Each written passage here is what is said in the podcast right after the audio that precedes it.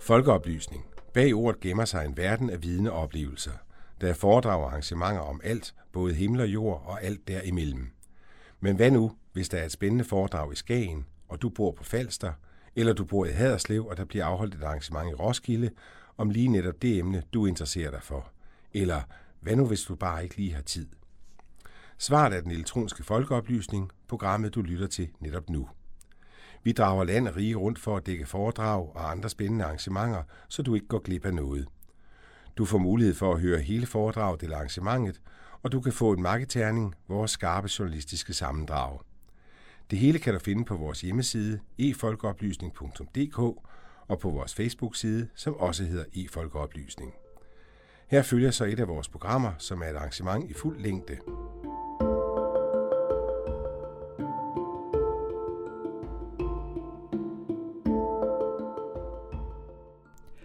Marsvin. Ej, ikke de her knæverlignende dyr, der findes rundt omkring i de danske børneværelser, men derimod valarten marsvin. Det er den, vi om lidt skal høre om, når seniorforsker ved Aarhus Universitet Jonas Teilmann med udgangspunkt i sin forskning holder sit foredrag, som blev afholdt på Middelfart Bibliotek. Det er Lillebælt Folkeuniversitet, der stod som arrangør bag arrangementet, som i øvrigt trak fulde huse. Marsvin er den eneste val, der yngler i de danske farvande, og bestanden i Lillebælt er en af verdens største. Men her giver vi først ordet til Jonas Teilmann. Men jeg er rigtig, rigtig glad for at være her i Middelfart, øh, for det er jo det bedste sted i Danmark at observere marsvin, og jeg har haft øh, rigtig meget glæde af at være her mange gange. Ikke mindst øh, sidste maj måned, hvor vi holdt en international konference herude på Hinskavl, og der var 500 af mine kollegaer fra hele verden, som, som var her og var meget, meget imponeret over, hvor smukt der er. Og øh, øh, mange havde ikke set marsvin før, og vi sagde, jamen gå ned ved, ved stranden ved, ved Hinskavl, og, øh, og der så de deres første marsvin. Og det er jo sådan, det næsten er her altid, at, øh, at man kan gå ned ved, ved, ved kysten, eller måske, jeg har faktisk siddet her og holdt øh, foredrag og kigget ud, og så var de her lige herude. Øh, det kan vi så ikke i aften, men, øh, men det er faktisk sådan, så at vi kan lytte til, hvad der foregår derude hele tiden. Og det vi ser her nu her, øh, det er ikke bare støj. Før var der en, der, der prøvede at slukke for den, fordi at øh, det larmede så meget. Men, men det er i virkeligheden... Øh, skal lige finde ud af, hvor de briller blev af. Det var her. Øhm, hvis jeg nu skruer op, så er det simpelthen lyden lige nede ved Gammelhavn øh, nu. Det er vores øh, lyttestation, som vi har sat op dernede. Øhm, den ligger øh, cirka her. Vi, vi er herover nu, så lidt hen af, af kysten nede ved havnen. Der har vi øh, vores station, og de her to røde streger her, de viser, hvordan det webkamera, vi har, de, øh, det filmer. Og det er altså det billede hernede, vi har her. Sådan ser det ud lige nu, og det er et rimelig øh, øh lysfølsomt lysfølsom kamera, så vi kan se øh, meget fint billede af broen her, og, øh, og af, af husene over på den anden side. Øhm, desværre, så lige før, der var en båd, der sejlede forbi. Det er denne her oppe. Det er fordi, den har AIS på. Det er en af de store både. Og AIS, det er sådan en GPS, der hele tiden sender øh, øh, ud, så øh, Søforstyrelsen har styr på alle skibe, der er i Danmark over en vis længde. Du kan også sætte den på din løsbåd, men, men det er lovpligtigt for både over 50 meter, mener jeg. Den larmede rigtig meget lige før. Øhm, men, øh, men nu er det sådan, så på det her, det her er noget, I alle sammen kan se på, på internet. I kan alle sammen til hver en tid øh, koble på her. Og så er der også lige den øh, lille ting, at vi kan spole tilbage. Så hvis vi lige spoler tilbage til for fem minutter siden, øh, kan vi lige, lige lidt mere her. Så ser vi skibet nu her. Det nærmer sig. Det er for, øh, nu er klokken her på det her, det er 18.23. Det vil sige, det er for syv minutter siden cirka. Øhm, det her, det er det, marsvinene hører, når de svømmer rundt herude, når der kommer et skib forbi. og øhm, Nu er det sådan, så marsvin, de hører ikke det samme som os. De kan godt høre noget af det samme som os. De er ikke så gode til de lave frekvenser. Men det her, det vil de sagtens kunne høre. Men så kan de altså høre helt op til 130 kHz. Og vi som mennesker hører maksimalt 20 kHz. De fleste af os, øh, i hvert fald når vi ikke længere er så unge og, og børn, så hører vi måske kun 15 kHz. Og det er sådan en meget, meget høj øhm, øh, øh, pivetone for os. Øh, og, og, og de hører altså næsten 10 gange højere. Så de, der, hvor de har deres bedste hørelse, der hører vi ingenting. Øhm, de her, øh, det her det er kun op til 12 kHz, den her viser. Det vil sige, de hører alle mulige andre lyde, der er heroppe. De fleste skibe er heldigvis nede på det lidt lavere frekvenser. Men, øh, men det er en forstyrrelse, de her skibe, og vi har faktisk vist i et studie, hvor vi har mærket dyrene, at det har en, en betydning for, hvor meget de søger føde, og hvordan de undgår de her lyde. Men nu er det jo faktisk sådan, så, at vi har en af de største tætheder af marsvin her i Lillebælt, men vi har også rigtig, rigtig mange skibe. Så det er altså ikke sådan, at de forlader Lillebælt, selvom de her skibe er her. Men det her projekt, det går simpelthen ud på at få os alle sammen til at forstå, hvad siger skibene, hvor meget larmer de under vand, og hvornår er der marsvin. Marsvin, det vil man kunne se på denne her øh, oppe. De her sorte prikker, det er øh, noget, at når propellen den drejer rundt, så giver den sådan nogle kliklyde, der minder lidt om marsvin, men de er sorte. Det vil sige, at, øh, at det, er, det er ikke noget med marsvin at gøre. De røde, det er marsvin, og de lyserøde, det er så sonar for de her skibe. Det vil sige deres ekolod. Øhm, og det vil man nogle gange tydeligt kunne se en hel masse lyserøde striber, når der kommer en båd forbi, som her. Øh, nu kan vi se, at båden den er inde i vores vinkel her. Så den ligger lige her. Der sejler den, ikke?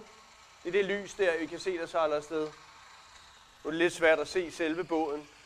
Øhm, men her kan I se, der, der er noget af de der øh, lyserøde streger. Her var en båd, der sejlede forbi med en sonar, og det var der også her. Men her var faktisk nogle marsvin. Så her var en gruppe af marsvin, der, der tog forbi. Og det er tit sådan, vi ser det. Enten siger de ikke så meget, eller også så, så svømmer de væk, når der er en båd, men så kommer de hurtigt tilbage igen. Og her kan vi se, der har været en båd her, der er en her og en her. Så de ligger som, som perler på en snor og, og, øh, og vil, vil larme sådan nogenlunde som det her. Men altså, hvis vi lige spoler tilbage til, til nu her, så er det jo dejligt stille. Nu er skibene rundt om hjørnet her, og der er ikke meget støj, der ryger tilbage, hvor vi har vores lyttestation. Og så bliver det hele blåt, og det betyder altså, at der, der er stille. Og så er det, at, øh, at vi kan øh, opleve marsvinene komme ind, og dem vi høre som sådan nogle, øh, nogle øh, kliklyde. Jeg kan godt lige prøve at spille. Øh, sådan lyder det med. I kan se her, det er en optagelse her fra, fra den 11. januar øh, 2017, det vil sige, det var, det var sidste, sidste år. Og der er jo fuldstændig rødt heroppe. Ikke? I timevis, så er det bare marsvin over det hele. Og alt det her, det er marsvin. Jeg kan også høre en, en kæde fra et skib en gang imellem, der rasler. Det er nok øh, bøjen ned til dykkerbåden, der ligger ret tæt på vores hydrofon. Der er det her, de der lyde der, det er når den spiser en fisk, så kommer den tæt på, og så siger den, og så tager den, det, det er sådan, den, øh, den lyder, når den, øh, når den tager en fisk. Vi kalder det et boss, øhm, fordi det lyder som, som øh, det er ekstremt hurtige klik lige efter hinanden. Så jo længere der går mellem klikkene, jo længere kigger de, fordi de skal have ekkoet tilbage, før at de øh, øh, sender det næste øh, lyd ud. Så hvis de kigger på noget, der er 100 meter væk, så skal de have ekkoet ud, så komme tilbage, og så er der måske øh, cirka en tiende del øh, sekund mellem hver klik. Øhm, og det er sådan noget, vi, vi hører her. Der, der, der kigger de lidt længere væk. Og så en gang imellem kommer der lige de der hurtige øh, øh, øh, lyde. Det er faktisk snyd det her. Det er spillet ned, så vi kan være med, og vi kan høre det. I virkeligheden, så kan vi slet ikke høre det. Så hvis vi stikker hovedet under vandet, så vil der være helt stille. Men uanset hvor mange marsvin, der ligger rundt om dit hoved, og, og, så vil du ikke kunne høre det. Der er I kan høre, der sker en hel masse med, med, med at, at fange nogle fisk. Men, men, øh, men hvis du lægger øret ind til et marsvin, øh, så vil du godt kunne høre, at den producerer en lyd, men det er mere den mekaniske lyd. Øh, det er lidt ligesom, den har nogle læber. De sidder så bare oppe i blæsehullet, øh, og så, så øh, sådan to muskler, der øh, spænder meget øh, tæt sammen, og så presser den luft igennem, og så vil det være lidt ligesom, når vi med vores læber kan sådan sige sådan en lyd her cirka, ikke? så vil der komme en lyd ud, når, når man presser, øh, øh, og de hedder faktisk monkey lips, dem som de har siddende nede i, i, i blæserøret. Øhm, og det er sådan, de producerer lyden. okay, nu var den øh, færdig. Men altså, som sagt, øh, inde på, øh, på vores hjemmeside, der øh, øh, ligger der alt muligt om øh, lyttestationen og om, øh, om de her forskellige lydklip. Men det vil der også gøre på øh, øh, Naturpark Lillebælts øh, hjemmeside. Og i øvrigt, så hvis der er nogen, der har spørgsmål undervejs, så er det meget fint. I må bare stille dem. Sådan her. Men jeg vil fortælle jer lidt om marsvin lidt mere generelt i, i Danmark, og, og hvad det er for nogle dyr. For det første er det jo en val. Øh, mange siger, at en val, jamen det er et meget stort dyr. Det kan man også godt sige, øh, men, men øh, i vores terminologi, så er en val en øh, gruppe af dyr, som kan være ret små, ligesom marsvinet, men være også en blåval. Øh, og, og de øh, under jo øh, med lunger, ligesom vi gør. De føder levende unger, og det er et pattedyr. De, giver, de diger deres unger og giver dem mælk fuldstændig ligesom andre pattedyr. Øhm, og det sjove er, at de nærmeste slægtninge til valerne, det er de paratåede dyr, øh, hovdyr. Og det er, er for eksempel, øh, vi se om vi får billedet frem her. Ja, hvis jeg forsvinder lige pludselig, så vil I hjælpe mig. Øhm, ja, det er lidt, øh, det er lidt øh, uklart her. Men, men, øh, men her har vi jo øh, bartevalerne og tandvalerne, så flodhesten, det er faktisk den nærmeste slægtning til valerne. så har vi drøvtykkere, det er jo vores kør for eksempel. Vi har svinet her, øh, lama, og så har vi nogle andre næsehorn, tapir, øh, hest og kat og, og, og hundedyr og, og skælddyr, øh, som ligger lidt længere ude i, i træet her, øh, af, af, af hvor, hvor nært beslægtet man er, evolutionært.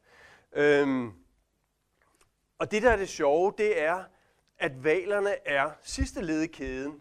Det vil sige, det er ikke sådan så, at en val er blevet til en flodhest. Det er en flodhest, der er blevet til en val.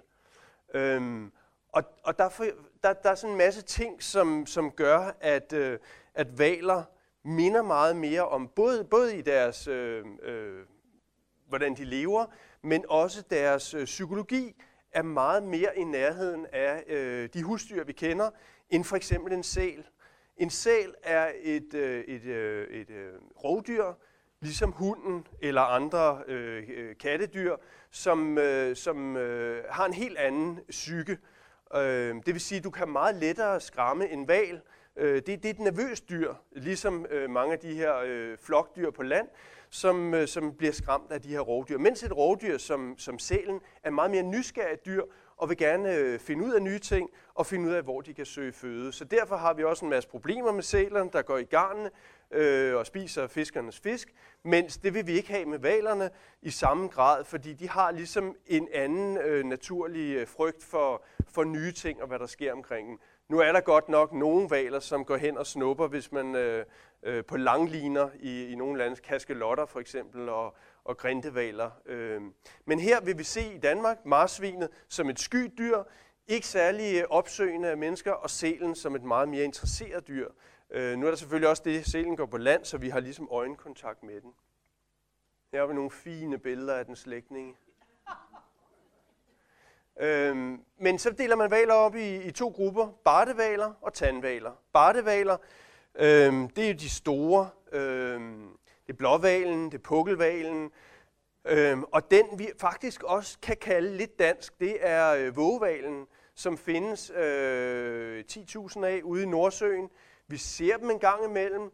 To gange har vi været oppe og øh, befri en levende vågeval i et bundgarn oppe i Skagen og mærket dem med satellitsender. Og den sidste, det var her i juli måned øh, sidste år, og den er nu nede ved Azorerne og overvinter dernede. Så vi har haft kontakt med den siden juli og håber på, at vi kan få et helt år, sådan så vi ser, om den vender tilbage til, til vores farvand. Men, øh, men tandvalerne, det er jo for eksempel marsvinet, øh, det er delfinerne, og den største af dem, det er kaskelotten. Den har også tænder, øh, og det der er, kan man sige, øh,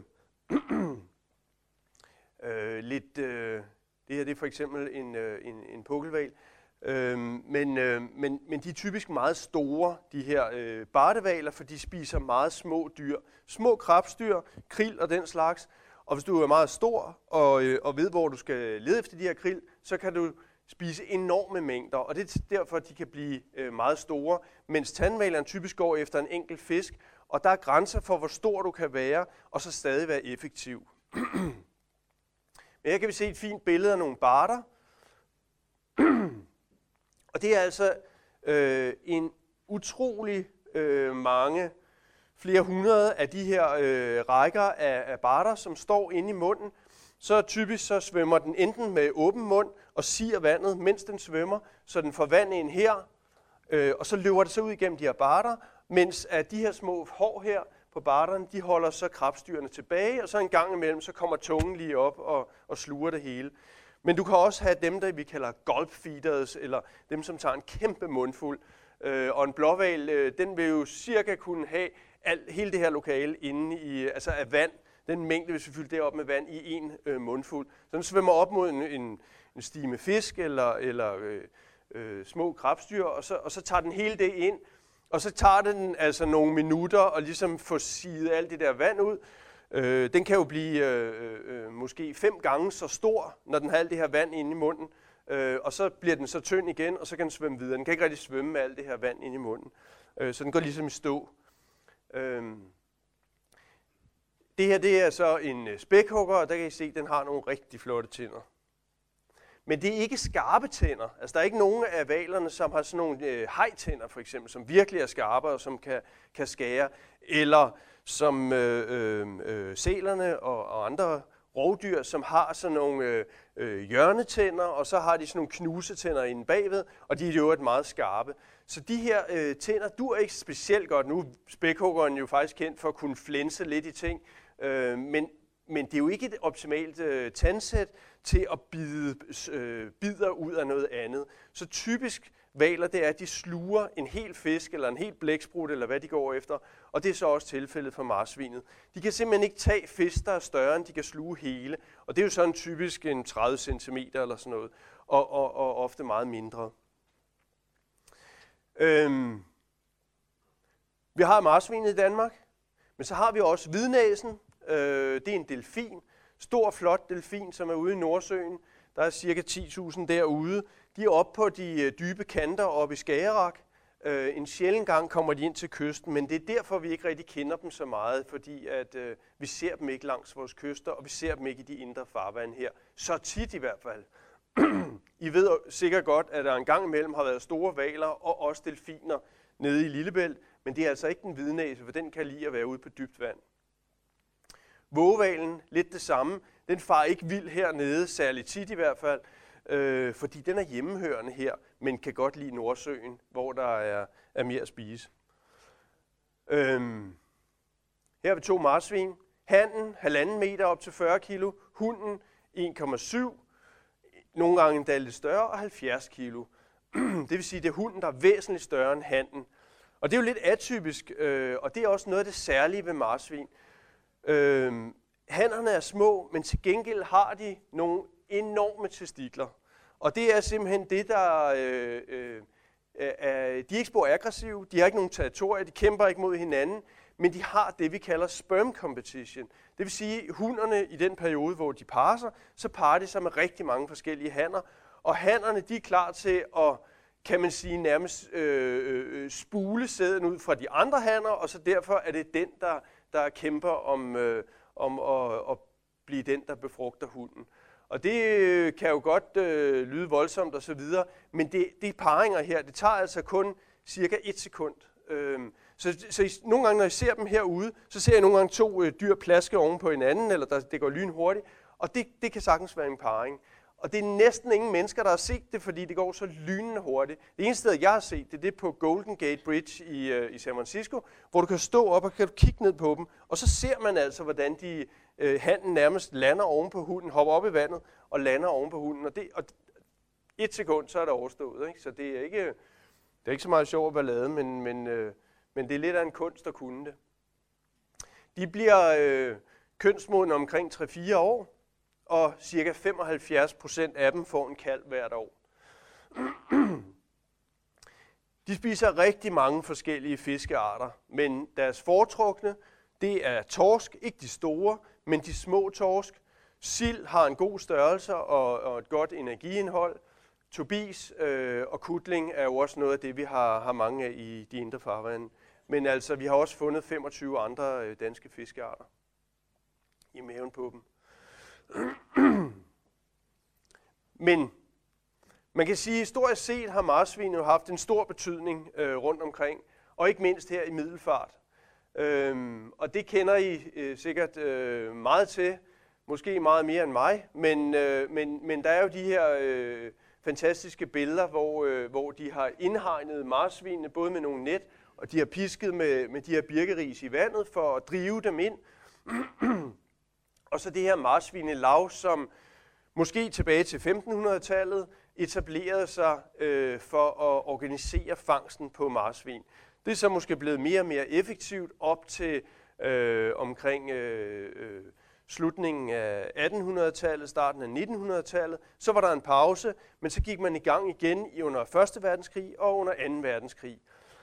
Øhm, det man så gjorde var typisk, at man, man placerede nogle både Øh, marsvinene kom i, øh, her omkring den her tid, øh, december, øh, januar og februar, så kom de op igennem bæltet op øh, nordpå, og man, man, man lagde så nogle både ud her.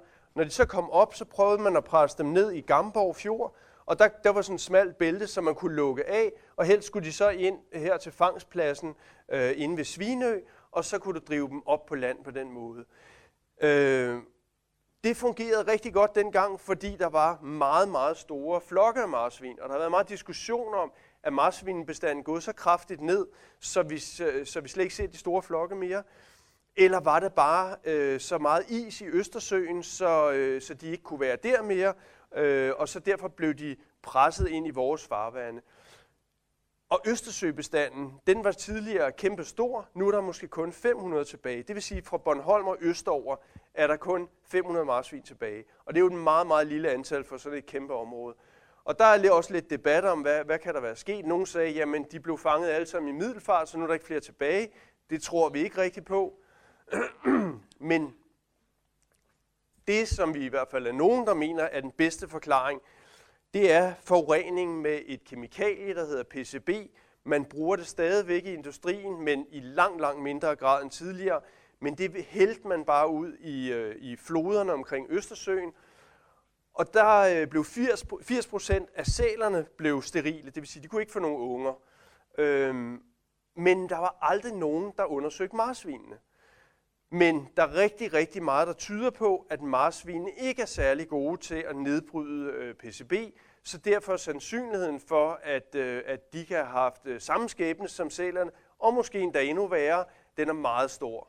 Men der var altså nogle få, der klarede den, og nu har vi øh, 500 tilbage. Men måske var det den kæmpe store population, som kom op igennem Lillebælt for at undgå øh, isdækket, som jo var, var, var meget øh, mere kraftigt øh, for omkring 100 år siden.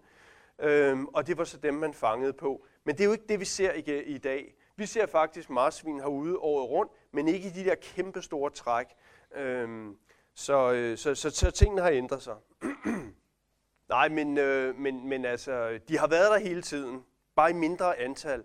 Øh, så har vi jo fået, øh, altså vi ved jo ikke præcis, hvad det er, der sker. Og det er jo det, er jo det der er øh, lidt fascinerende, at lige snart vi er under havoverfladen, så har vi ikke ret meget styr på, hvor er fiskene henne for eksempel.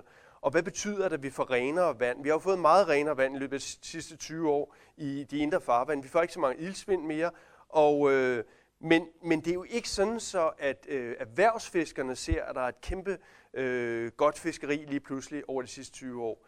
Det er måske gået lidt op for nogle bestande øh, hister her, men vi har fået et skift, så vi har mange fisk derude, men det er mange småfisk.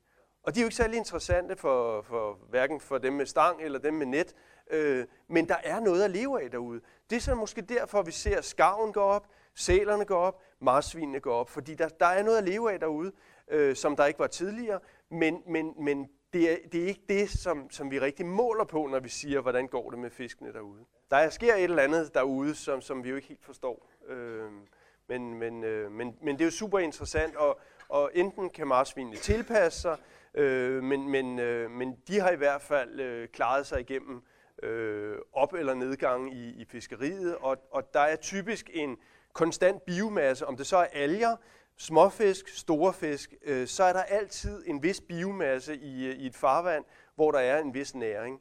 Øh, så bliver det bare flyttet rundt i forskellige kasser, og, og, og det er så måske det, vi ser, at, øh, at øh, torsken klarer sig ikke så godt, øh, men der er mange, der gyder. Måske svømmer de bare væk, måske øh, dør de, fordi der simpelthen ikke er nok at føde, øh, føde øh, fordi de typisk lever af små bunddyr. Måske er de gået, øh, gået ned, og så på den måde, så, så kan du ikke få hele cirklen med. Øhm, men det, det, er, det er meget, meget øh, kompliceret, fordi vi ikke kan se, hvad der foregår derude. Ikke? Heldigvis kan vi jo se marsvin, de kommer op lige og trækker vejret, så ved vi, at der var en. Øh, ellers så ville vi jo ikke ane noget som helst om den nærmest. Øhm. Men øh, for, for at komme tilbage til det her med antal, så laver vi forskellige optællinger.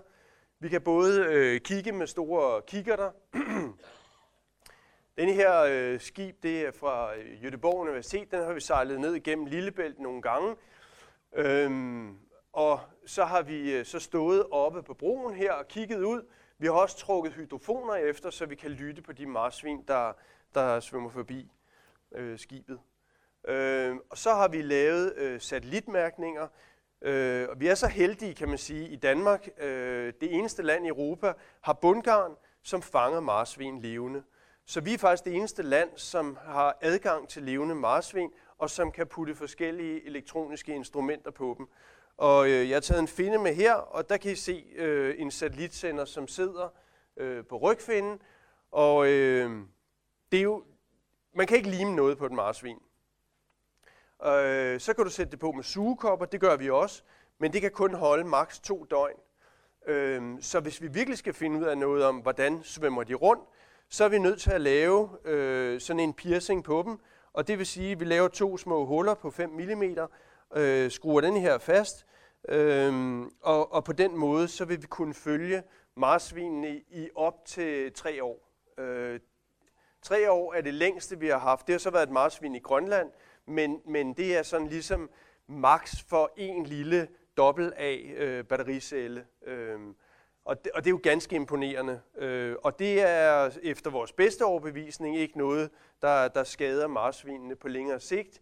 Øh, der er nogle få, der er blevet fanget i garnene efter et år, øh, for eksempel, og, og de har været vokset fint, og de har haft maven fuld af fisk osv. Men vi ser dem jo sjældent igen, de mærkede dyr. Så optager vi lyde, det var ligesom det, jeg viste med, med hydrofonen, vi har herude. Og så har vi observationer og strandinger. Strandinger kan fortælle os en masse om, øh, øh, hvis det er et rask, sundt dyr, det kan være, det er fanget i garn, så kan vi have en fuld mave, så skal vi se, hvad er det egentlig, de spiser herude. Det kan også være, at, øh, at det er på grund af en sygdom, og så kan, på den måde kan vi undersøge sygdommen ved de strandede dyr. Så derfor er vi meget interesserede i at indsamle alle de døde dyr, der ligger på stranden. Så I må endelig, endelig ringe, hvis, øh, hvis øh, I ser et, øh, et, øh, et dødt dyr. Ja? Altså, enten kan det jo være mit, øh, eller også så øh, øh, er der noget, der hedder en beredskabsplan for strandede øh, øh havpattedyr. Det gælder så både marsvin og sæler. Og det er en vagttelefon, som ligger over på øh, Søfartsmuseet i Esbjerg. Øh, de vil så, så har vi sådan en telefonkæde, og så finder vi ud af, hvem der skal tage ud og hente. Øh, men nu er det også sådan, så at øh, hvis det er lige her det her område, så har vi sat en fryser ned i den gamle havn, og vi har en aftale med Naturparken og med, med, med skoletjenesten op, at de tager ud og henter det, lægger det i fryseren, og så tager vi det med hjem, når vi kommer forbi. Så lokalt kan man, kan man ringe til dem fra Naturparken, eller til, til, til skoletjenesten op eller naturvejlederne heroppe. Ikke? Øhm, så der er flere muligheder. Skovdistriktet er også på, på telefonen, hvis det skulle være, men de lukker som regel kl. 4, så, øh, mens vi andre vi har telefonen åben hele tiden. Nå, men så vil jeg fortælle lidt om det her satellitmærkning. Øh, hvad får vi egentlig ud af det? Her er nogle gave øh, øh, fiskere op fra Skagen, og det er jo altså et, et øh, kan man sige, bogstaveligt talt håndværk. Øh, der er ikke meget, øh, der er en lille bitte spil heroppe, men ellers så er det altså håndkraft, og for det her øh, nogle gange kæmpe net op. Øh, det står typisk inde ved land, så kommer fisken her, øh, og marsvinene, måske følger marsvinene fiskene op langs øh, ledegarn, og så kommer de ud af det her. Det her kan ikke rygtes, så det sådan foregår. Men så er der sådan en kile ind her med en åbning på cirka en halv meter, og der løber fiskene ind, og der løber marsvinet altså også ind. Så ligger de og svømmer rundt her, og marsvinene har meget, meget øh, svært ved at, at finde det her hul igen. Og det vil sige, at fiskerne kan ringe til os. Som regel lukker de garnet, men selvom de ikke gør, så har vi øh, kun én gang været ude for marsvin og løbet ud igen.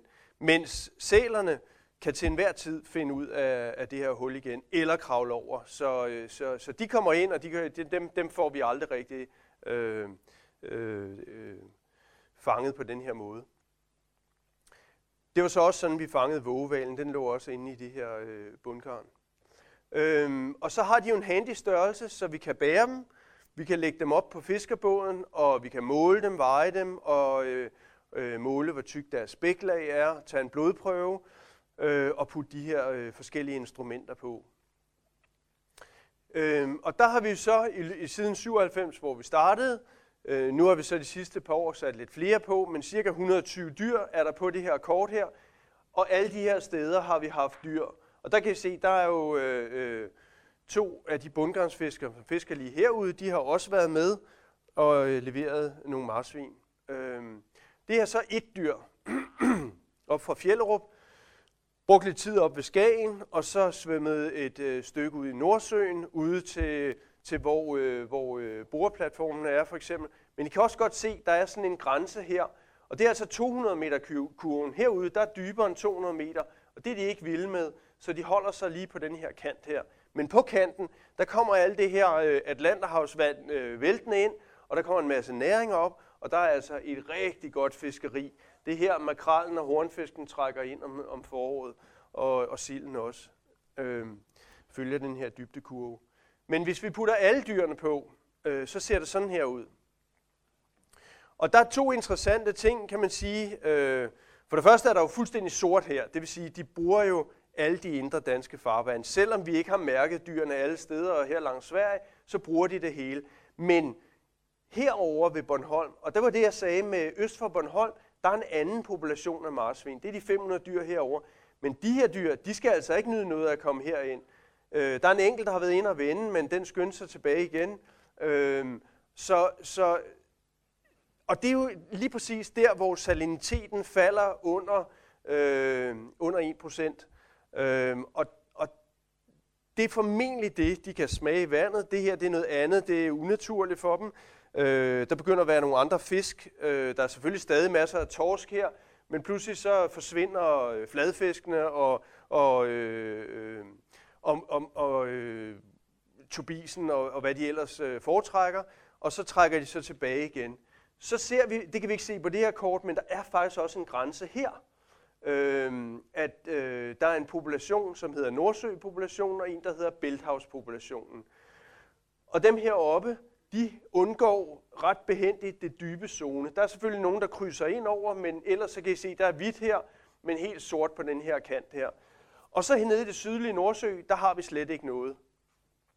Der er nogle få af dem, som har været helt op ved Shetlandsøerne, og, og et stykke op ved Norge og lidt over ved England. Men det er ligesom dem, som spreder sig ekstra langt ud.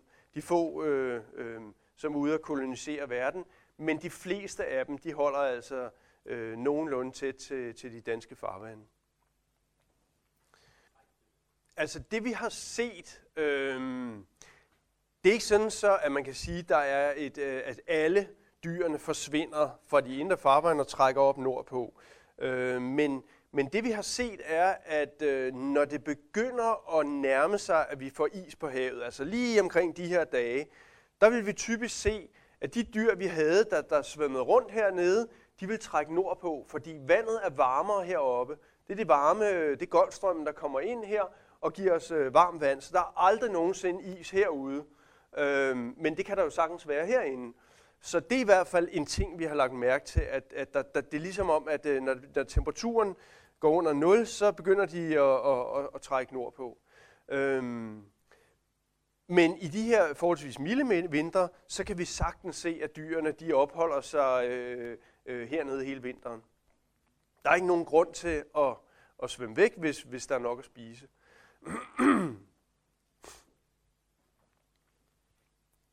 Men her kan I se, det, det røde er en population, og de øh, orange er en anden. Så de røde det er dem, der er mærket i Skagen, og de andre de er mærket nede i de indre farvande. og der er så igen en saltgradient og nogle forskellige fisk, som, som foretrækker at være ude og, og, og inde i de indre farvande.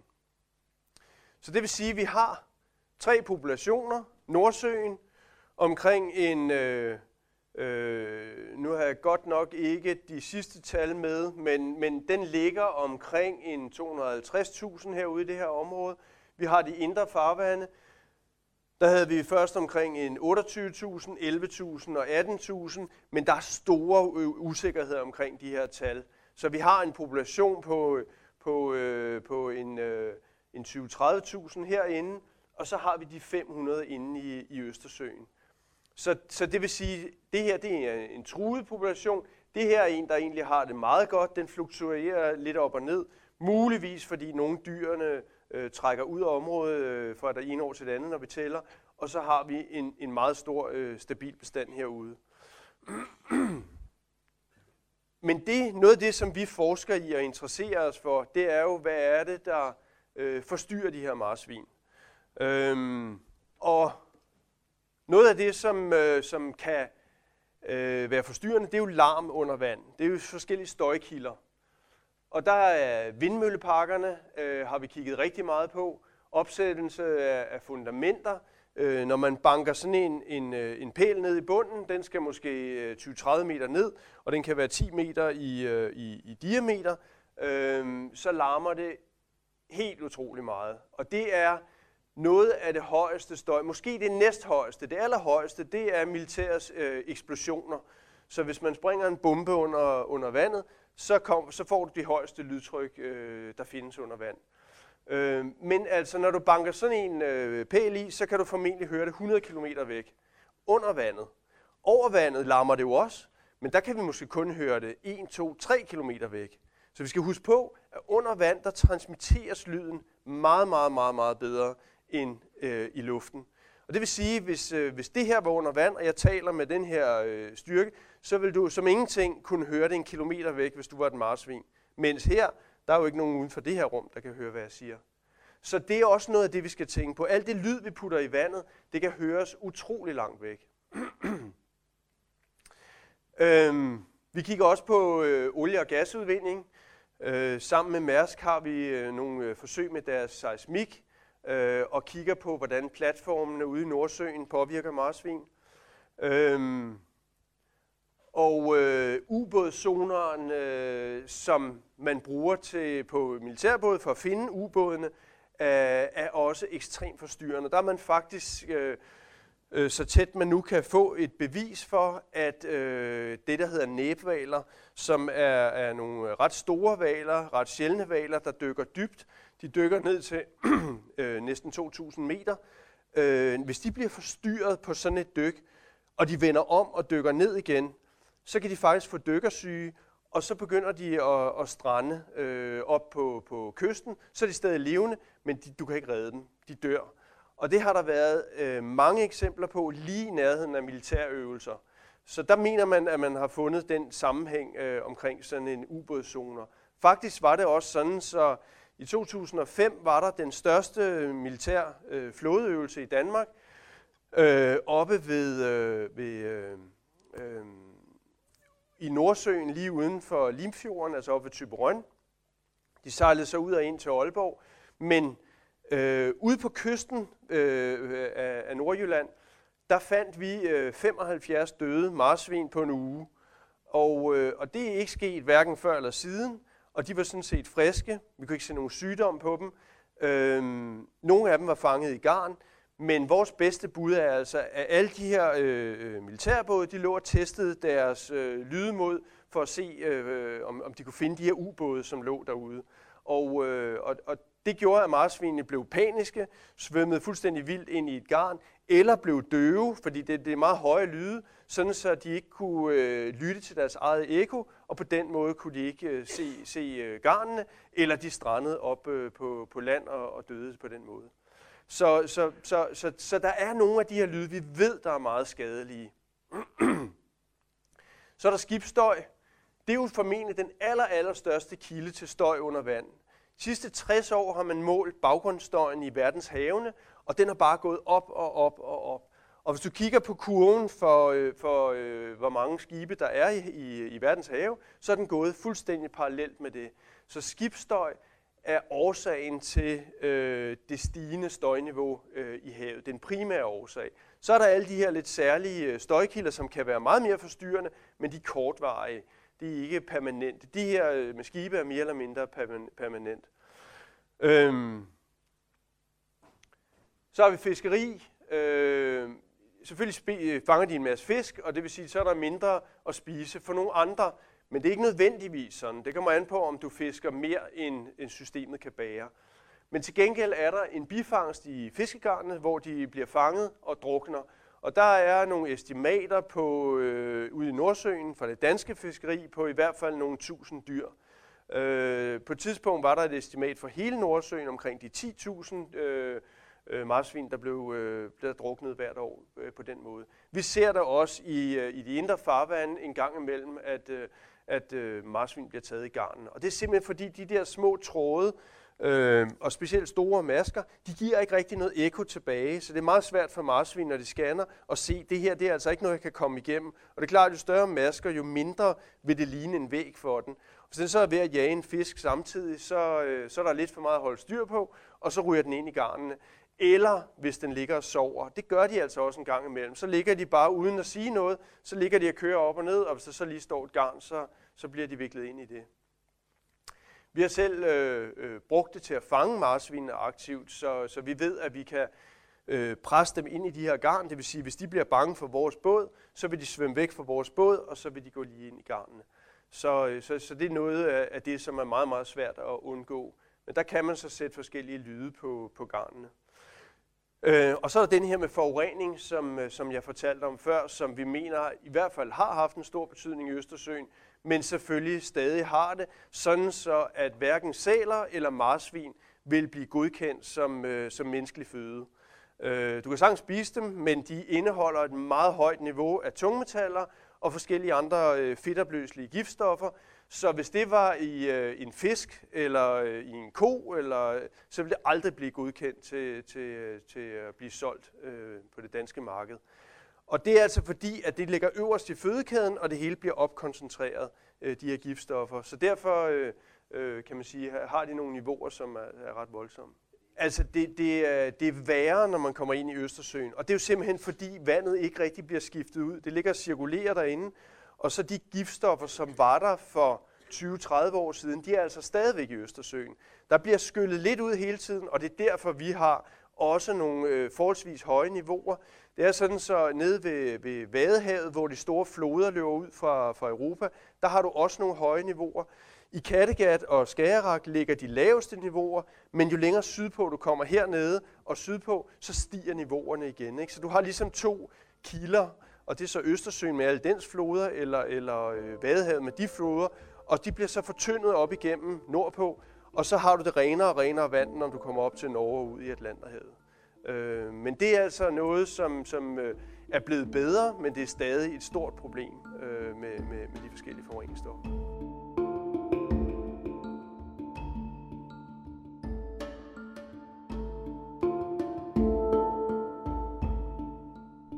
Så vidt altså seniorforsker Jonas Teilmann inden pausen om de små valer, marsvinene.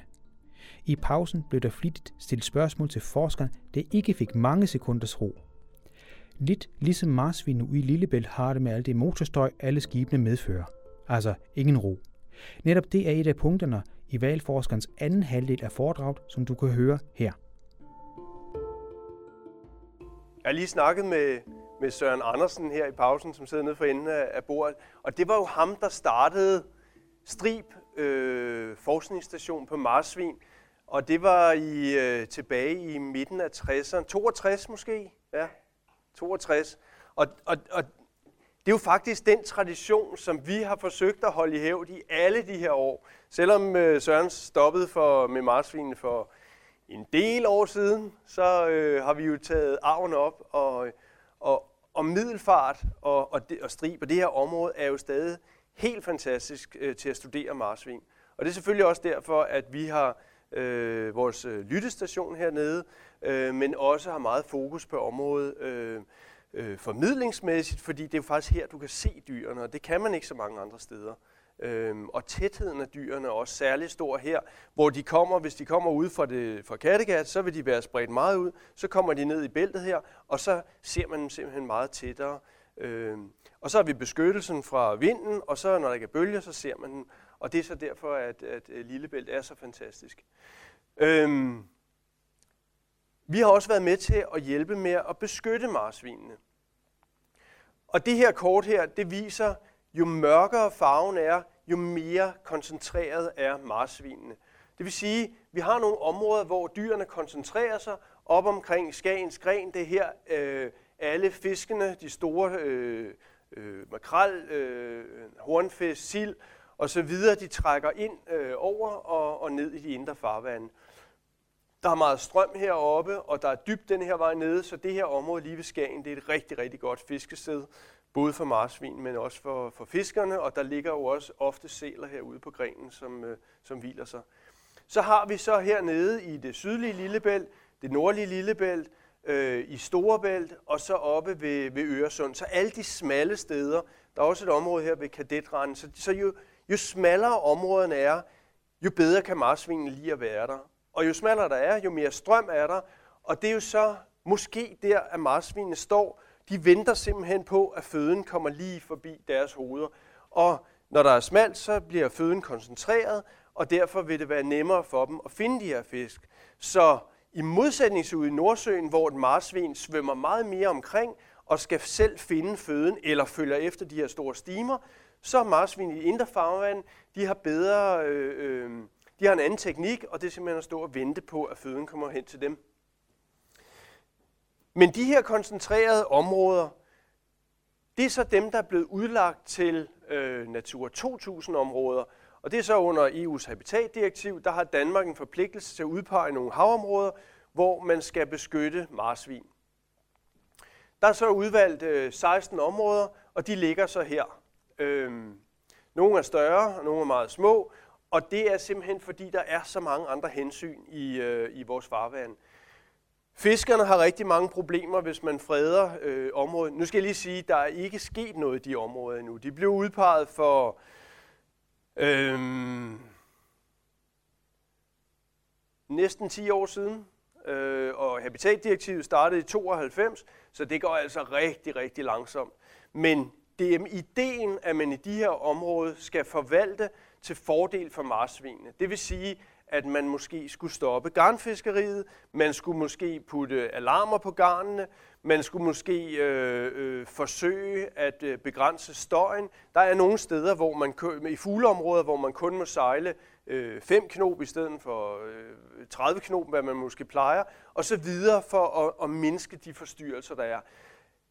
Og det er noget, Miljøstyrelsen øh, øh, og, og øh, Fødevareministeriet de arbejder på at lave sådan en forvaltningsplan for de her områder. Men indtil videre, så er de så udpeget, og så ligger de bare der.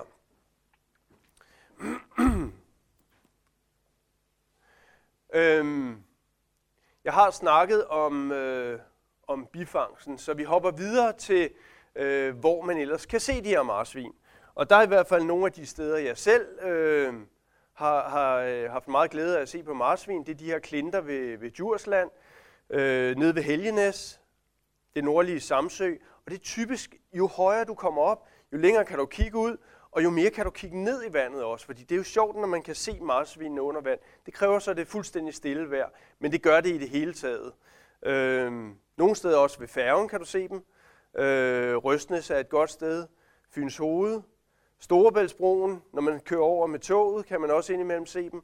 Og så er der det her strib Lillebæltsbroen. Og jeg snakkede jo lige med en, en guide fra Lillebæltsbroerne, der sagde, at de ser rigtig tit marsvin, når man går hen over øh, broen derude. Og det er jo et fantastisk sted, fordi der kan du faktisk se, hvad dyrene laver, når, når de svømmer rundt nede i vandet. Og det er jo den der med brydningen. Hvis du står og ser dem øh, lige, så ser du ikke ned i vandet. Du skal ligesom op og kigge ned. Og det er så blandt andet også derfor, at vi begynder at bruge droner, fordi så kan vi pludselig se, hvad dyrene laver, deres sociale interaktioner, hvordan de jager osv. og endelig hernede ved det sydlige. Der er masser af andre steder, man også kan se marsvin, og specielt selvfølgelig, når man sejler rundt i sin båd i, i stille vejr. Men det her, det er et, øh, et kort over øh, de vigtigste skibsruter i Danmark. Det her det er et år med både, der har sejlet med AIS på, og øh, det er så kort, vi har fra Søfartsstyrelsen, der, øh, der viser, hvor koncentrationen af de her skibe er størst. Og jo mere rødt og øh, lilla det er, jo, jo flere skibe er der. Øhm, og der er jo selvfølgelig rigtig, rigtig mange, der kommer fra alle mulige steder, og de koncentrerer sig lige her, for de skal lige rundt om hjørnet og sydpå. Og så har vi T-ruten her ned igennem øh, de indre farvande, øh, og så fortsætter den op i øh, Østersøen. Men der er jo også en rute igennem Øresund, og også igennem Lillebælt. Øh, det er så typisk øh, lidt mindre skibe, lidt større skibe, og, og, og her er måske en, en mellemstørrelse, eller måske ligesom i, i Lillebælt. Men, men der er jo altså nogle steder, hvor øh, skibene er, larmer mere, og andre steder, hvor, øh, hvor der, der næsten aldrig kommer skibe, fordi det her det er sådan et stort fladvandet område for eksempel. Øhm, men men, øh, men det er så det, vi, vi gerne vil undersøge, hvordan påvirker det så marsvinene. Øhm, der har vi øh, øh, fået udviklet, eller vores samarbejdspartner over i St. Andrews, over i, øh, i Skotland, der har vi været med til at udvikle sådan en, øh, en øh, digital tag. Det hedder en D-tag. Øhm, den er cirka den her størrelse. Den har to hydrofoner herude, så den kan lytte i hver retning. Øh, den har en GPS heroppe på toppen, og så har den øh, en dybdemåler og nogle accelerometer, så man kan se, hvordan dyret bevæger sig i tre dimensioner. Den sidder fast på dyret med fire sugekopper. Vi har den også i en, nu, havde, nu kan jeg ikke lige finde sådan en at tage med, men, men det her det er selvmodellen af den. Den sætter vi på en sæl, vi limer den på med den lille plade her. Så har den øh, en timer, og så brænder den en tråd over, så falder den af, og så her sidder der så en øh, radiosender, som flyder op til overfladen, og så kan vi gå ud og samle den op igen. Det er alt, alt for mange data. Der er cirka en terabyte i de her øh, øh, øh, sendere, og det er alt, alt for meget at sende via satellit, så vi er nødt til at få fat i dem igen. Det vi så før med, med, med marsvin, hvor de vandrer hen, det er jo en satellit, vi sender op til. Men de her, det er vi altså nødt til at få dem tilbage igen. Og øh, specielt med marsvin, hvor vi skal sample på 130 kHz for at finde ud af, hvad de siger, så bliver sådan en, en, øh, en, en, en hukommelse fyldt op på et par døgn. Øhm, men til gengæld er det øh, fuldstændig fantastiske data, vi får ud af det. Og, øh, og det at sample noget ved 500.000 gange i sekundet, øh, det er jo helt ekstremt. Og det er, at man kan gøre det med sådan et lille bitte instrument, det er simpelthen et mirakel. Men det er det, der skal til, hvis vi skal høre, hvad marsvinene laver ude i, øh, ude i havet. Øhm, så har vi så fået fyldt øh, flere forskellige ting på, sådan så vi faktisk får et fuldstændigt billede af, hvad dyrene laver derude. Øhm, her er så igen nogle af de her billeder, hvor vi øh, får fat i dyret, øh, sætter øh, senderen på og slipper den ud igen efter en, en, øh, en 5-10 minutter. Så går vi jo sådan lidt i gang med at kigge på de her øh, data stille og roligt. Her kan man se øh, cirka 12 timer, hvor vi har dagslys, og vi har natten her. Her har vi dybden øh, ned til 50 meter, og det er det maksimale, det her dyr er gået ned til. Og det er typisk også det, der er maks dybden i de indre farvande. Øh, men der kan vi se, at den laver rigtig, rigtig mange dyk op og ned. Øh, det vi så har gjort, det er så at kigge på, jamen hvor er det, at de øh, fouragerer øh, og spiser mad. Og der har vi så set, at øh, her i løbet af dagen, den spiser ikke så meget i starten. Det kan også være, at den er lidt, øh, lidt skræmt af at blive fanget og sat sender på. Så vi siger, når den begynder at spise, det er så der, vi siger, at den er tilbage til nogenlunde normal adfærd, så sker der en hel masse nede ved bunden her. Så tager den en lang pause, men så sker der lidt igen nede ved bunden, men der sker også rigtig meget oppe i midten og oppe ved overfladen. Og det har overrasket os noget, at, øh, at, øh, at den spiser så relativt varieret i, øh, i vandsøjlen. Så det her, det kalder vi bund, og det her det er så oppe ved overfladen, og så er der noget pelagisk, fordi det er ligesom hele vandsøjlen er fyldt med fisk. Den drøner op og ned, og typisk vil man også kunne se herude en gang imellem, at der er en gruppe af marsvin, der ser ud til at arbejde sammen om at få en stime af småfisk op til overfladen. Mågerne begynder at spise af dem, og, og de her marsvin, de pisker sig rundt og spiser så meget de kan. Så der driver de dem op fra, fra bunden og op til overfladen, og det er måske det, vi ser her, at de er aktive hele, i hele vandsøjlen. altså, øh, man kunne se, at den dykker rigtig meget. Øh, så den øh, laver andre ting. Og i et marsvins liv, så kan det jo være at være social med andre dyr. det kan også være, at der ikke er nogen fisk lige der, så, øh, så spiser den bare ikke noget. Men det vi har set, det er også, at øh, de sover på sådan nogle dyk til cirka 7 meter, og de er meget sådan, øh, sådan runde i det. Øh, ligner slet ikke sådan et dyk ned til bunden, og hvor den drøner rundt og op igen. De er sådan helt runde, og så tager den måske 10 af dem. Den siger ikke noget, Øhm, og så øh, går den så i gang med, i, i, så kan man ligesom se, at den, den går over i et andet mode og laver noget andet. Og det er så det, vi mener er, når et, et marsvin sover. For at være helt sikker på, at den sover, så burde vi jo have elektroder på hovedet. Vi burde se, om den lukker øjnene. Men det er sådan med valer, at de kun sover med halvdelen af, af hjernen af gangen. Øh, det vil sige, at øh, de er altid vågne. Øh, delvist i hvert fald. Øh, så de sover aldrig så tungt, som vi gør. Øhm, så på den måde vil man måske se, at det ene øje lukke, det kan man se i fangenskab, så kan det ene øje lukke, og så svømmer den op, og så kan den lukke det andet øje, og så, så, så skifter den ligesom til at hvile øh, hver øh, hjernehalvdel. Så det er ikke et dyr, som har de der lange øh, øh, søvnperioder, som vi kender, eller som man kender for de fleste andre dyr. Øh, men, men et 3, 4, 5, 10 minutter en gang imellem. Det vil så være der, den sover. Og det er spredt ud over hele døgnet. Så den, er lige, den kan være lige aktiv om dagen og om natten. Øhm, nu vil jeg lige prøve at se, om jeg kan få liv i den her video her. Eller animation.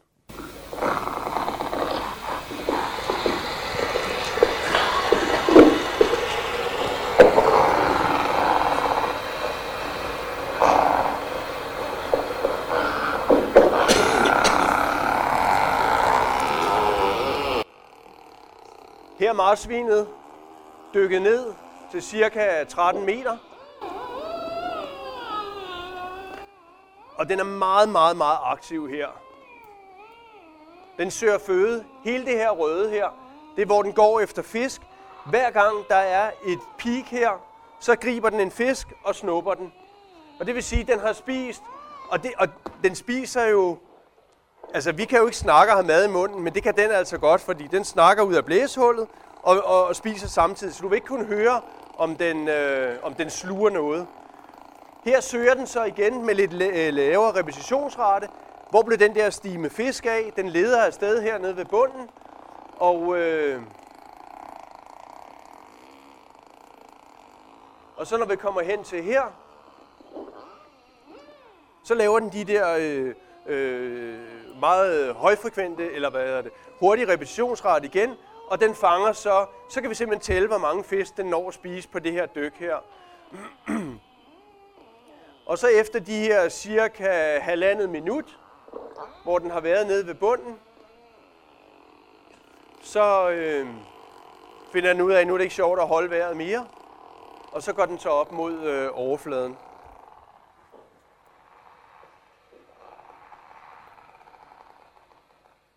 Skruer lige lidt ned, fordi det lyder ret voldsomt, når den trækker vejret. Nu går den op til overfladen, og så rammer den overfladen og trækker vejret. Øhm, det her er relativt øh, lave dyk, men vi har faktisk øh, mærket nogle op i Grønland, der dykker til 400 meter. Øhm, og så er de jo ved, nede længere tid, og så bliver de liggende ved overfladen i lang tid, fordi det tager jo meget mere tid at, at komme af med, med, med, med de her affaldsstoffer. Og det er sådan så, øh, altså, når vi også som mennesker dykker ned, holder vejret og kommer op igen, så får vi ikke dykkersyge. Og det er jo lidt det samme med, med, med, med valerne. For det første så tømmer de lungerne typisk, når de går ned. Det klapper sammen. De har lidt luft tilbage i luftrøret, men der er ikke nogen udveksling med, øh, med, med musklerne. Øh, men hvis den, øh, det er alligevel sådan, så hvis en val dykker op og ned, eller kommer for hurtigt ned efter at have været kort tid ved overfladen, så kan den opbygge øh, noget, noget, der minder om, øh, om dykkersyge alligevel, og få luftbobler i blodårene, og så dør den af, af blodprøver. Ja, det er jo, det er jo sådan øh, nitrogenen, som er 80% af det, vi har i luften. Det er overalt i vores muskler og alle celler. Det, det, de funderer bare ud og ind. Øh, problemet er, hvis du kommer under tryk og trækker vejret, så opbygger du et meget stort lager af nitrogen i kroppen. Og så når du kommer til overfladen, hvis ikke du gør det langsomt, så kan det ikke nå at komme tilbage igen. Og når du så kommer til overfladen, så bobler det simpelthen op, og så ligger der luftbobler overalt, og det er så det, der, der er enormt smertefuldt, og som kan være dødeligt. Og det er det altså også for, for valer, selvom de er, er langt, langt bedre tilpasset øh, vandet, end vi er. Noget af det, som er ret fascinerende, det her det er jo selvfølgelig sjovt, at vi, at vi kan ligesom følge med og se, hvordan de spiser øh, deres mad. Øh, der har vi så set her på, det, det er fem forskellige dyr, og det øh, stiger om natten for de fleste af dyrene her, mens der ikke er så meget aktivitet om natten. Men det, der jo er ret utroligt, det er, at de er oppe på helt op til omkring 500 fisk i timen, øh, som nogle af dem spiser. Og det er klart, det kan jo ikke være 500 store fisk, fordi så øh, øh, vil maven jo hurtigt blive fyldt op. Øh, så det må være bitte, bitte små fisk. Og det er det, der har undret os meget ved det her studie. Det er, at øh, de er så aktive, og, øh, øh, og så har vi øh, tænkt over, hvad, hvad, hvad er det for nogle fisk, det her? Øh, så kan man lave noget fancy med analyserne her, øh, så man laver et ekogram. Det er ekoer af alt det her, og det er meget, meget svært at, at forstå, øh, sådan præcis hvad der foregår. Men altså, man skal forestille sig, at marsvinet kommer svømmende her, øh, sender lyd ud for ekoer tilbage, og i først, det her det er fisken, det er ekoer fra fisken, øh, og så har du afstanden til dyret her, så i starten så er der 5 meter hen til fisken, så får du noget eko her, det bliver tydeligere og tydeligere, øhm, øh, og, og så er den helt tæt på her, og her sluger den fisken, og så er den væk, så er der ikke flere ekoer. Så det er det, der sker, øh, når vi laver den der, men det er nemlig lidt svært at se, men, øhm, men det er sådan, så når vi kommer helt tæt på, så ser vi øh, ekkoet blive stærkt, svagt, stærkt, svagt, stærkt, svagt. Og det er simpelthen fisken, der slår med halen. Så hver gang den slår den ene vej, så får du et kraftigt ekko, og når den så er, er lige mod, øh, mod dyr, så får du et svagt ekko, stærkt ekko, svagt ekko. Og så er det sådan så, at en fisk, der er bange, den svømmer fuld drøn. Og der, er en, øh, der har man kigget på alle mulige fisk, øh, arter, og det er faktisk sådan så, at jo mindre den er, jo hurtigere slår den med halen, jo større den er, jo langsommere slår den med halen. Og det giver jo selvfølgelig meget god mening. Øh, øh, man, kan, man, kan, man kan jo bare sådan prøve at tage en hånd øh, igennem vandet, eller bare en finger, ikke? og så kan man jo gøre det meget hurtigere, for der er noget med vandmodstanden.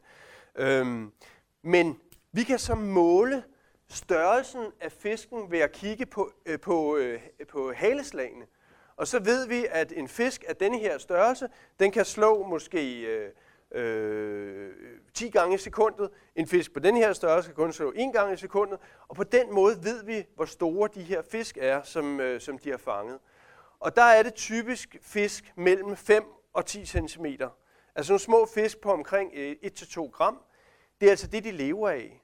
Og, og, og det er det nødt til at være selvfølgelig, hvis de spiser så mange, så, så øh, skal de, og så passer det meget godt med, at de fylder maven op med en cirka 3-4 kilo fisk om dagen, men det er altså småfisk.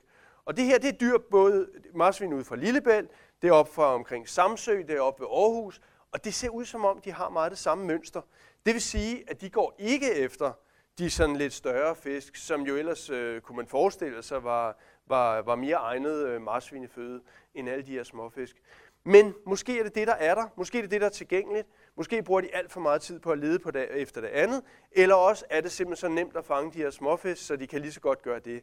Det ved vi ikke, men, øh, men noget af det, vi er ved at undersøge nu, det er, hvad er der i maverne på marsvinene øh, i området. Så derfor er vi meget interesseret i døde dyr. Men tidligere, for, øh, for 10-15 år siden, da vi lavede den sidste undersøgelse, der var typisk meget større fisk i deres maver. Så der er sket et eller andet skift i, øh, i økosystemet herude. Så har vi også øh, undersøgt øh, nogle af de samme marsvin for skibsstøj.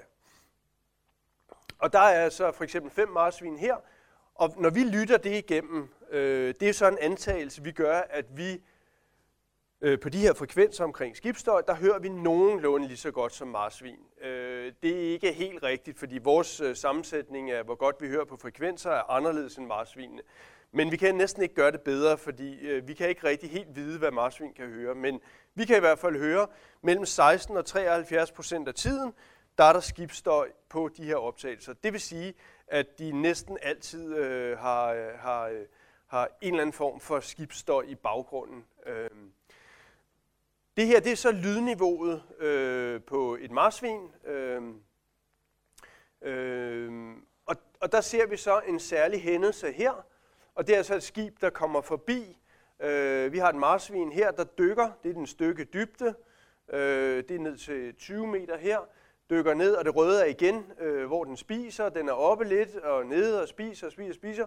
Så kommer skibet her, og der ser vi pludselig et helt andet type dyk. Den går meget dybere øh, og har ikke øh, øh, samme mønster og ikke det samme, øh, og det er et meget øh, længere dyk. Ikke? Altså varigheden af det er meget større end de andre dyk, men så går den så tilbage til normalen igen. Så det mener vi er en reaktion på det her skib, der passerer. Øhm,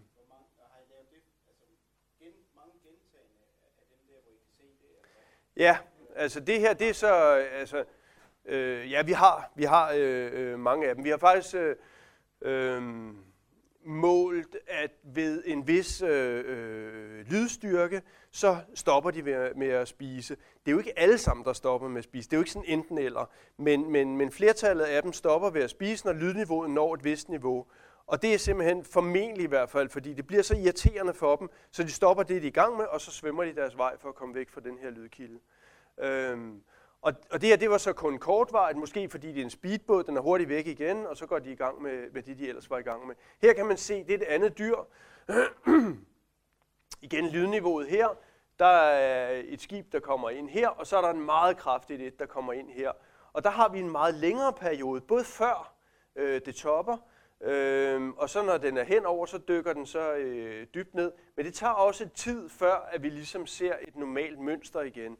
Så der, og, og I kan også se, det er et kraftigere lyd, det her. Ikke? Så der, der er formentlig en sammenhæng mellem, hvor kraftig lyden er, og hvor stor øh, øh, forstyrrelsen er. Ja.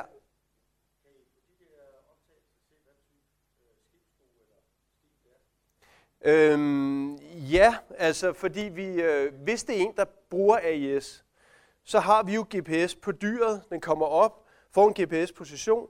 Vi ved, hvor den var. Så går vi ind på AIS-register og ser, hvad var det for en skib, der var tæt på her. Der kan jo godt være flere skibe, så kan vi være svært at vide lige, hvad det er for en.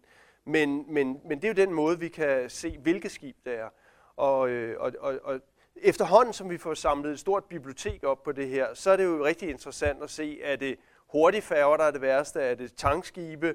Er det fiskekutter? Er det sejlbåde? Eller, nu er de fleste sejlbåde ikke AIS, men, men, men altså på den måde kan vi få sådan et katalog af øh, forskellige typer af Ja, fordi ekolod er typisk på de samme frekvenser, som marsvin øh, snakker på.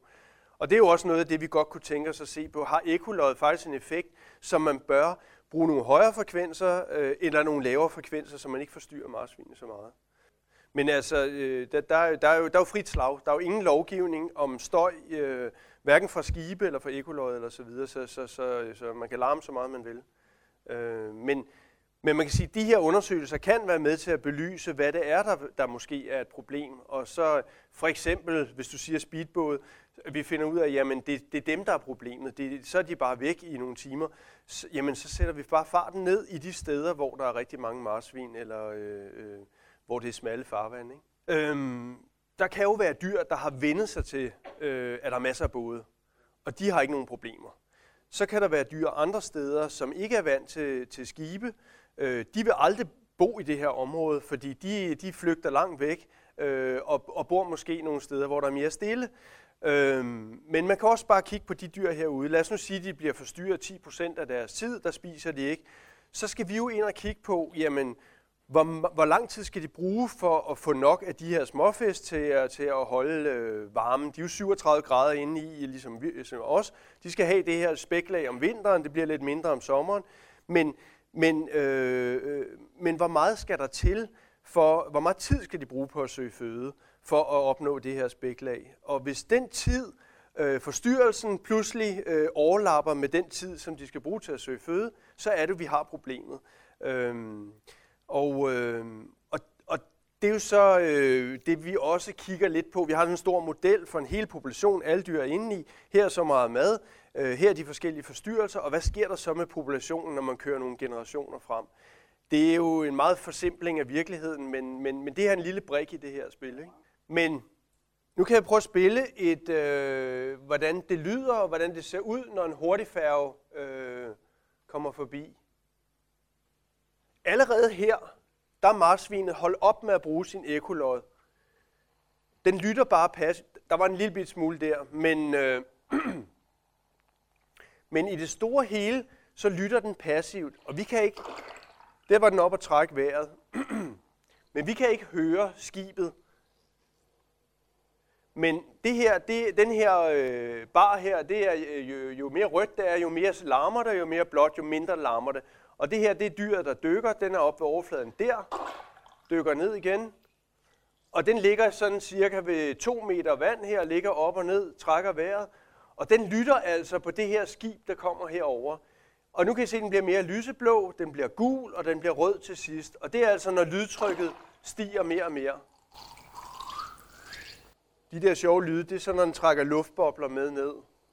Øhm, men der kan I se, når den rammer overfladen her, kommer der en masse støj i hele spektret. Det er så fra 0 til 250 kHz. Øhm, og det her, det er det område, som, som marsvin øh, lytter på. Det er der, det den kan høre. Øh, og der siger man som regel, at øh, skibe, de er ikke oppe i det område, hvor marsvin hører, eller bruger deres lyd og, og hører bedst. Men det er det her skib altså. Det larmer helt vildt på alle frekvenser. Men det er altså hurtigfærgen mellem Odden og Aarhus, øh, der kommer der. Her tager den beslutningen. Det der skib, den kan høre, hvor hurtigt lyden nærmer sig. Den ved, den kan ikke slippe væk fra det, øh, så den, den må dykke til, til bunden. Øh, den lytter passivt. Nu kommer der lige en lille smule ekolokalisering.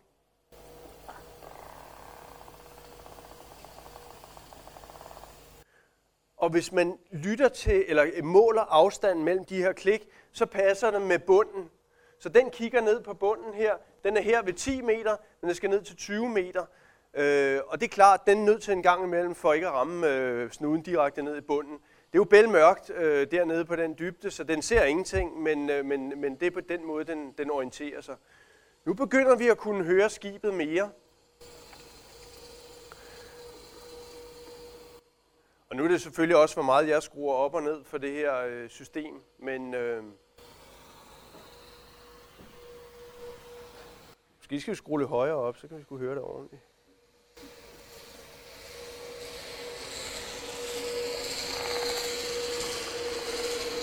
Der var en lille smule ekolokalisering igen nede ved bunden.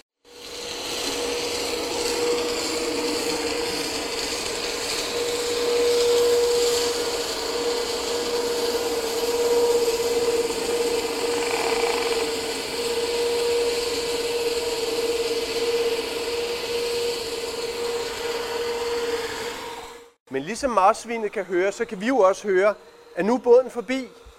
For vi har rigtig gode ører til at finde ud af, hvornår noget kommer mod os, hvornår det tager væk fra os, og hvornår øh, øh, øh, vi skal passe på. Og det vil marsvinet jo også kunne høre, at her var noget, der kom hen mod den, så går det til bunden, nu er det væk, og så går den op mod overfladen, og, øh, og så ved den, at den er, den er i sikkerhed igen.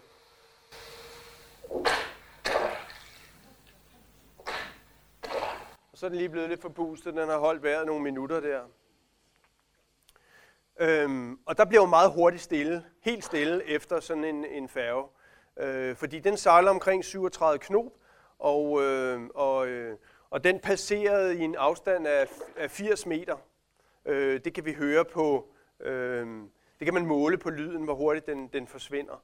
Øh, det her nede, det er så accelerometer øh, data i de tre akser, og hver gang den går op og ned, det er når, når halen den kører sådan her, så kan vi se, at den går op og ned her, så, så tager den en lille pause, hvor den glider op til overfladen, trækker vejret. Her kan vi se øh, ved bunden, der er det mere intensivt end tidligere, så der pisker den afsted ned langs bunden for at komme væk.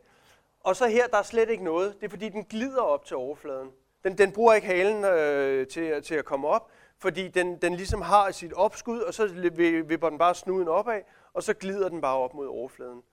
Og så laver den så øh, øh, mere øh, almindelige overfladedyk her bagefter. men, men man kan sige, at øh,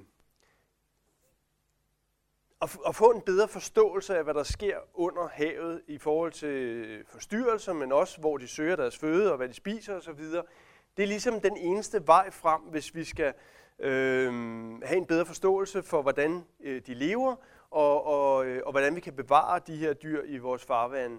Og det gælder både marsvinene, vi laver nogle af de samme undersøgelser på, på sælerne, øhm, og så kan man så have forskellige øh, øh, øh, vinkler på, hvad det er, man gerne vil undersøge.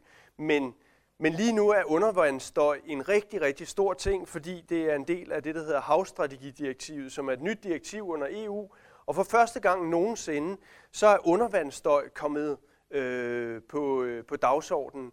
Og det betyder simpelthen, at man for første gang nogensinde laver regler for, hvordan, hvor meget må man støje under vand. Og der, der siger man så, at øh, øh, vi laver en nullinje, og så øh, begynder vi at måle nu her, og så har vi så øh, fem år til at måle i, og så ser vi, sådan er lydniveauet i alle vores farvande i hele Europa, og det må ikke stige over det niveau. Det vil sige, at i fremtiden, så er vi nødt til at være mere stille, øh, hvis vi vil have flere skibe, eller, eller øh, øh, have flere vindmølleparker osv., så er vi nødt til at arbejde på, hvordan kan vi gøre det øh, på en anden måde, sådan så det ikke larmer så meget under vand. Og det er jo det kæmpe, kæmpe store skridt, der skal til for, at vi kan, øh, kan få øh, øh, plads til de her marsvin også, og at vi ikke forstyrrer dem lige så meget. Og det er jo måske også nogle rigtig, rigtig gode ting, fordi ofte så at være mere stille, det kræver mindre energi, så bruger vi mindre diesel øh, på vores skibe og benzin osv. Og, og på den måde, og måske kommer man da til at se, se elskibe i fremtiden. Øhm, med, og det samme med, med vindmølleparker, når man banker de her fundamenter i, så i hvert fald i Tyskland er man allerede nu lavet en regel om, at man skal lave et boblegardin. Det er sådan en kæmpe haveslange, man, man sætter rundt om, og så kører der bobler op, og det dæmper lyden øh, betragteligt, øh, så man øh, slet ikke sender de samme øh, lydtryk ud. Så på den måde er der, er der nogle ting i gang, som, som hjælper rigtig meget til at, og, og mindske støjen. Fordi det er jo nogle støjniveauer, som vi aldrig nogensinde vil acceptere på, på landjorden. Altså hvis det larmede lige så meget, som det gør i havet, øh, så, så, så, så vil vi lynhurtigt sætte regler øh, for det. Men vi hører jo ikke, hvad der foregår under vand, og det, og det er så øh, en, en helt anden verden. Og, og lyden er som sagt øh, et større problem under vand. Så, øh, så, så det er nogle af de ting, som, som der kommer til at ske øh, rigtig meget af øh, i, i de kommende år. Tak. Det var det, jeg havde.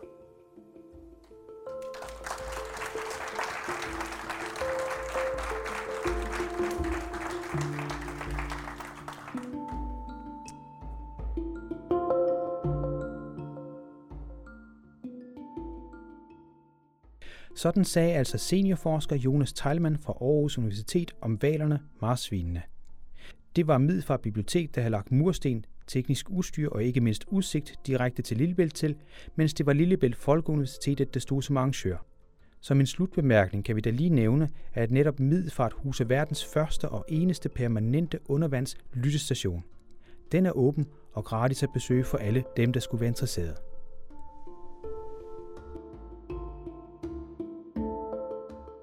Du har netop hørt den elektroniske folkeoplysning. Du finder os på efolkeoplysning.dk og på Facebook under samme navn. Her kan du både finde hele foredrag og journalistisk bearbejdede magasinprogrammer, Det er podcast for arrangementer over hele landet om alt mellem himmel og jord. Det du kan være sikker på er, at det er skarpt, det er relevant, og det kan være ny og overraskende viden. Journalist Jan Simmen har stået for redigering og tilrettelæggelse, og det er Radio Mælkebøtten, der har produceret lyden. Togholder på projektet er SLR TV, mens det er Dansk Folkeoplysnings Samråd, der støtter projektet finansielt.